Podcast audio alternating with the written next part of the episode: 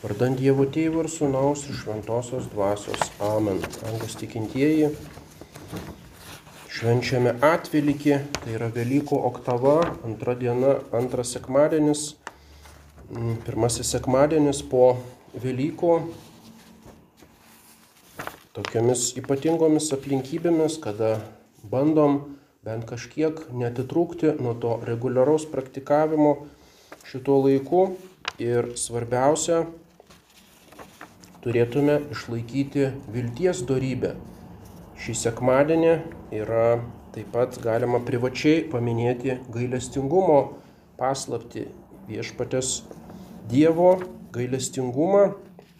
Šventoji Faustina Kovalska apie tai turėjo apreiškimus ir būtent esminė mintis yra pasitikėjimas arba viltis tuo Dievo gailestingumu.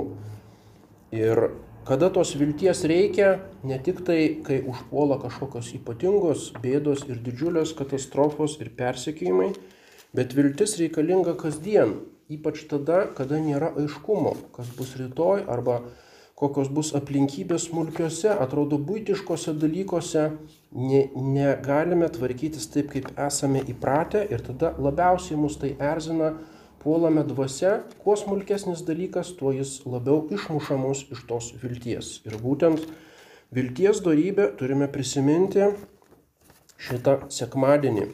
Viešpats Jėzus tarė ramybę mums, jums, jisai tarė tai apaštalams ir kalba taip pat mums. Išlaikykite tą ramybę. Nepaisant visko, dar nesate taip labai prispausti, dar nepatirėte tokių didelių kentėjimų, kad galėtumėte dėjuoti. Visą tai, ką turime pakesti, yra menkas dalykas. Turime nukreipti akis į Dievą, turime išnaudoti tas aplinkybės, kurios mums, kurios mums suteikiamos.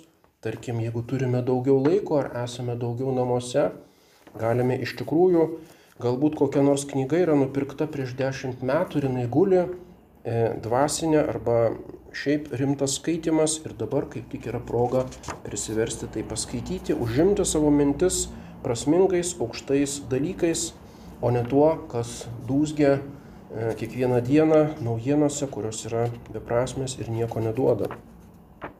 Tai yra atvelikis e, ir vadinamas baltasis sekmadienis, reiškia Dominika in albis depozitis, baltų rūbų nusivilkimo sekmadienis, baltų krikšto rūbų atidėjimas. Tie krikščionys, kurie buvo pakrikštyti Velyknaktį, jie apsivilko baltą krikšto rūbą, kuris simbolizavo jų, dvas, jų dvasios ir sielos tyrumą. Ir štai visą savaitę jie su tuo rūbu vaikščiojo, jie liudijo, kad štai aš esu neofitas, esu naujai pakrikštytas Ir dabar jie nusivilka ir grįžta jau į kasdienį gyvenimą. Šventasis Augustinas ragina tuos neofitus, nusivilkite rūbus taip, kad jų skaistus baltumas liktų jūsų širdise.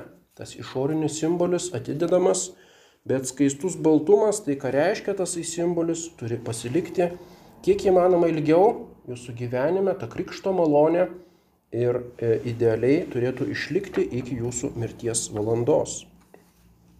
Ir štai šio sekmadienio Evangelija ir skaitinys yra apie kitą darybę, apie tikėjimą. Viltis yra susijusi su tikėjimu.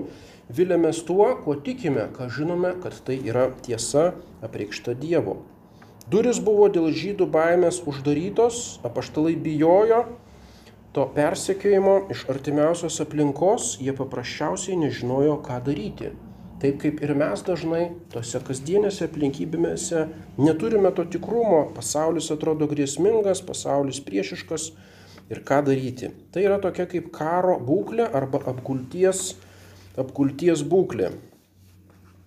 Ir štai apaštalas Jonas, kuris yra vienas iš tų apaštalų, kurie sėdėjo tenais e, dėl žydų baimės, jisai paskui rašys Kiekvienas, kuris gimęs iš Dievo, nugali pasaulį. Ir štai pergalė nugalinti pasaulį mūsų tikėjimas. Ir tą jų tikėjimą, kaip Jonas liudija, būtent sustiprino Jėzus Kristus apsireiškęs po savo prisikėlimo.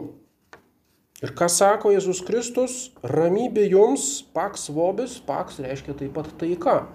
Reiškia apaštalai yra kaip karo būklėje, apgulties būklėje ir mano, kad jau yra nugalėti, o dabar kiekvie, gim, gimimas iš Dievo nugali šitą pasaulį. Štai pergalė atėjo ir Kristus sako, taika jums, taika atėjo, nebijokite tų persekiotojų iš išorės. Tai yra kaip apvertimas to, ką skaitome pas pranašą Jeremiją Senajame testamente. Pranašas Jeremijas sako, štai visi tie e, žydai aplinkui ir jų pranašai, klaidingi pranašai sako, paks, paks, bus jums taika, taika. O, o Jeremijas sako, nebus jums jokios taikos, o bus karas, ateis, e, ateis e, iš šiaurės priešai, kurie nugalės ir jūs išves į tremtį. Ir sako, jūs veltui tikitės kažkokios taikos. O dabar yra visiškai priešingai. Paštalai mano, kad karas tęsiasi ir kad e, visiškai yra pralaimėtas, o ateina Jėzus ir sako taika, viskas, visi priešai iš esmės yra nugalėti. Ir tai, ką jūs patirsite, tai yra tik tai prisidėjimas prie mano pergalės, tai yra nedidelis įnašas į mano pergalę. Reiškia, jis nori sustiprinti jų tikėjimą, kad pergalė jau įvyko prieš pasaulį, prieš nuodėmę, prieš velnę. Tai reiškia, ko bijoti. Niekas nieko jums nepadarys išoriniai priešai. Ir šita ramybė tai nėra tingaus polisio ramybė, tiesiog laukiant, kas bus toliau, bet ramybė einant į šitą priešišką pasaulį. Ramybė jums ir paskui sako, eikite į pasaulį, krikštikite vardant Dievo tėvų ir sunaus ir šventosios dvasios, siunčia juos į pavojingą misiją, į nežinomus kraštus su priešiškomis pagoniškomis tautomis, bet visoje toje misijoje jūs turite išlaikyti tą vidinę ramybę, kurią jums duodu. Apaštalas Tomas savo netikėjimu tapo didžiausiu Jėzaus prisikėlimo liudytoju. Jisai galėjo pirmasis paliesti Jėzaus Kristaus žaizdas, jisai palėtė jo kūną, bet to kūno palėtimas turėjo sustiprinti tikėjimą Jėzaus Kristaus dievystę. Jis tapo liudininku prisikėlusios žmogystės, bet išpažino mano viešpats ir mano dievas Jis išpažino dievystę, kadangi tik tai Dievas gali prikelti iš numirusių numirusių kūną. Ir Jėzus sako, tu įtikėjai, nes pamatėjai palaiminti, kurie tiki ir nematė. Ir todėl paštalas Jonas užrašo šitą Evangeliją kaip liudijimą, kad mes tikėtume, jog Jėzus Kristus iš tikrųjų ne kažkaip simboliškai ir ne tik tai kažkokioje fantazijoje apaštalų, bet fiziškai prisikėlė su tuo kūnu, su kuriuo jisai gyveno šitoje žemėje. Ir iš šito tikėjimo gims bažnyčia. Tikėjimas prisikėlimu bus dvasinis variklis ne tik tai apaštalų, bet visų ateinančių kartų skatins apaštalus skelbti tą išganimo naujieną visame pasaulyje. Ir svarbiausias ir kilniausias apaštalo titulas tai yra Jėzaus prisikėlimo liudininkas. Kas yra apaštalas, kuo jisai skiriasi nuo šiaip vyskupo ar popiežiaus, tuo, kad jisai savo akimis matė ir paliudyja Jėzaus Kristaus prisikėlimą. Ir panašiai Marija Magdalena, kuri matė Jėzų Kristų, taip pat jinai vadinama lygiai apaštalams, yra aukštinama būtent kaip tokia liudytoja. Ir štai apaštalas Jonas rašo Tasai yra, kuris atėjo per vandenį ir kraują. Jėzus Kristus ne vien per vandenį, bet ir per vandenį ir kraują. Ir dvasia šitai paliudijo. Jėzaus Kristaus dievystė paliudita pačioje jo veiklos pradžioje, kada Jonas Krikštytojas pakrikštijo Jėzų Jordane ir tada regimų pavydalų nusileido šventoji dvasia. Dievas tėvas apsireiškia kaip balsas iš dangaus, Dievo sūnaus, Dievo sūnus kaip įsikūnijas Jėzus Kristus ir Dievas šventoji dvasia balandžio pavydalu. Ir taip ir pabaigoje išganimo atbaigime irgi bus šitie trys liudytojai. Dvasia, vanduo ir kraujas ir šitie trys liudi, sutarė. Jeigu priimame žmonių liudymą, tai Dievo liudymas didesnis. Ir ką reiškia tas dvasia, vanduo ir kraujas? Kodėl tie trys liudytojai? Galime tai susijęti su krikštu. Kaip žinome iš teologijos, yra trys Jėzaus Kristaus įvesti krikštai arba krikšto būdai. Vandens krikštas, kuris yra pats tikrasis, vanduo kaip tas elementas, kuris labiausiai paplitęs, būtent yra kaip gyvybės šaltinis Jėzaus Kristus buvo įvestas kaip sakramentas, kuris garantuoja taip pat sielos nuplovimą.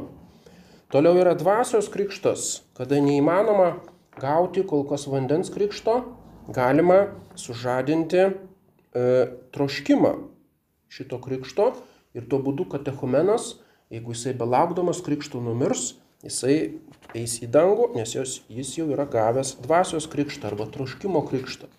Ir trečias krikštas yra kraujo krikštas per kankinystę arba plačiaja prasme per kentėjimus, kuriuos jungiame ant gamtinių būdų su Jėzaus Kristaus kryžiumi. Reiškia kankinys, kuris dar nebuvo pakrikštytas, bet jeigu jisai savo kankinystę priima dėl Jėzaus Kristaus, savo mirtį, jisai pakrikštyjamas savo paties krauju. Nereikia nei kunigo, nei kažkokių apieigų jam krikštyti. Ir tai yra trys krikštyjimo būdai - vandens, troškimo krikštas ir kankinystės krikštas. Mes paprastai vaikystėje gauname vandens krikštą, tačiau tai yra apieiga, kur mes jos nesuvokiame pradžioje ir todėl galima sakyti, kiekvienam pakrikštytajam suaugus reikalingas tam tikras samoningas jau prieimimas šito krikšto malonės. Turime samoningai priimti šventą iš šventosios dvasios, priimti tą malonę, kurią gavome krikštu savo krikšto e, tėvų lūpomis. Reiškia, net jeigu turime vandens krikštą, tasai troškimo krikštas arba dvasios krikštas irgi mums yra reikalingas. Mes turime vos tik tai suaugę atnaujinti tuos krikšto pažadus, samoningai šitą priimti, trokšti tos, tos krikšto malonės. Ir tam ir yra pirmoji komunija, tarkim, ir pirmosios komunijos proga yra atnaujinama, ar atsižadi šetono, atsižadu, ar tikėjai šventąją dvasę, tikiu, ir taip pat per sutvirtinimą, kad kiekvienas pakrikštytas vandeniu taip pat būtų pakrikštytas arba samoningai priimtų tą troškimą, išganimo troškimą. Ir taip pat galima sakyti, kiekvienam pakrikštytajam vandeniu ir dvasia taip pat reikalingas pakrikštymas krauju. Tai nereiškia, kad mes turime specialiai provokuoti ir ieškoti kankinystės arba kad kiekvienas privalo tapti kankiniu, bet savo visus sunkumus, savo visas gyvenimo kančias, ligas, persekiojimus, visą tai turime priimti atgailos dvasioje. Reiškia, mes turime potencialiai būti pasiruošę kraujo krikštui. Jeigu ateis tokia malonė, galbūt kažkoks persekiojimas, galėsime pralieti kraują dėl Kristaus, tai bus didžiulė išimtinė malonė. Tačiau savo gyvenime mes turim turėti bent intenciją numirti kartu su Kristumi, prisimti jo kryžių, kiek tai yra įmanoma. Ir todėl apsimarinimai arba Dievo apvaizdos siunčiami įvairūs sunkumai ir kančios ir yra tos intencijos išryškimas. Mes turime intenciją priimti kraujo krikštą. Ir todėl visos tos trys krikšto formos praktiškai kiekvienam yra aktualios ir reikalingos. Be jų iš esmės negalėtume vienytis pilnai su Jėzumi Kristumi būti išganytų. Ir būtent per šitos tris krikštus mes gauname šitą liudijimą, Dievo liudijimas per dvasę, per vandenį ir kraują, kad esame išganyti dėka Jėzaus Kristaus prisikėlimo. Tai yra mūsų ramybės ir taikos tikros ramybės šaltinis. Ir šitą ramybę turime kiek įmanoma išlaikyti, ją saugoti nuo bet kokio nevilties ar nusivylimų ar abejingumo šešėlio, ypač tada, kai nėra išorinės pagalbos iš bažnytinių apieigų, iš liturgijos. Turime savarankiškai tuo domėtis, turime įsiskaityti į tuos liturginius tekstus, kurie yra mm, Velykų laikų, per visą Velykų laiką kalba apie šitą prisikėlimo paslapti kad bent šito laiku būtent ta didžiausia mūsų tikėjimo paslaptis būtų aktuali mūsų mintise. Amen. Vardant Dievo Tėvų ir Sūnaus ir Šventosios Dvasios. Amen.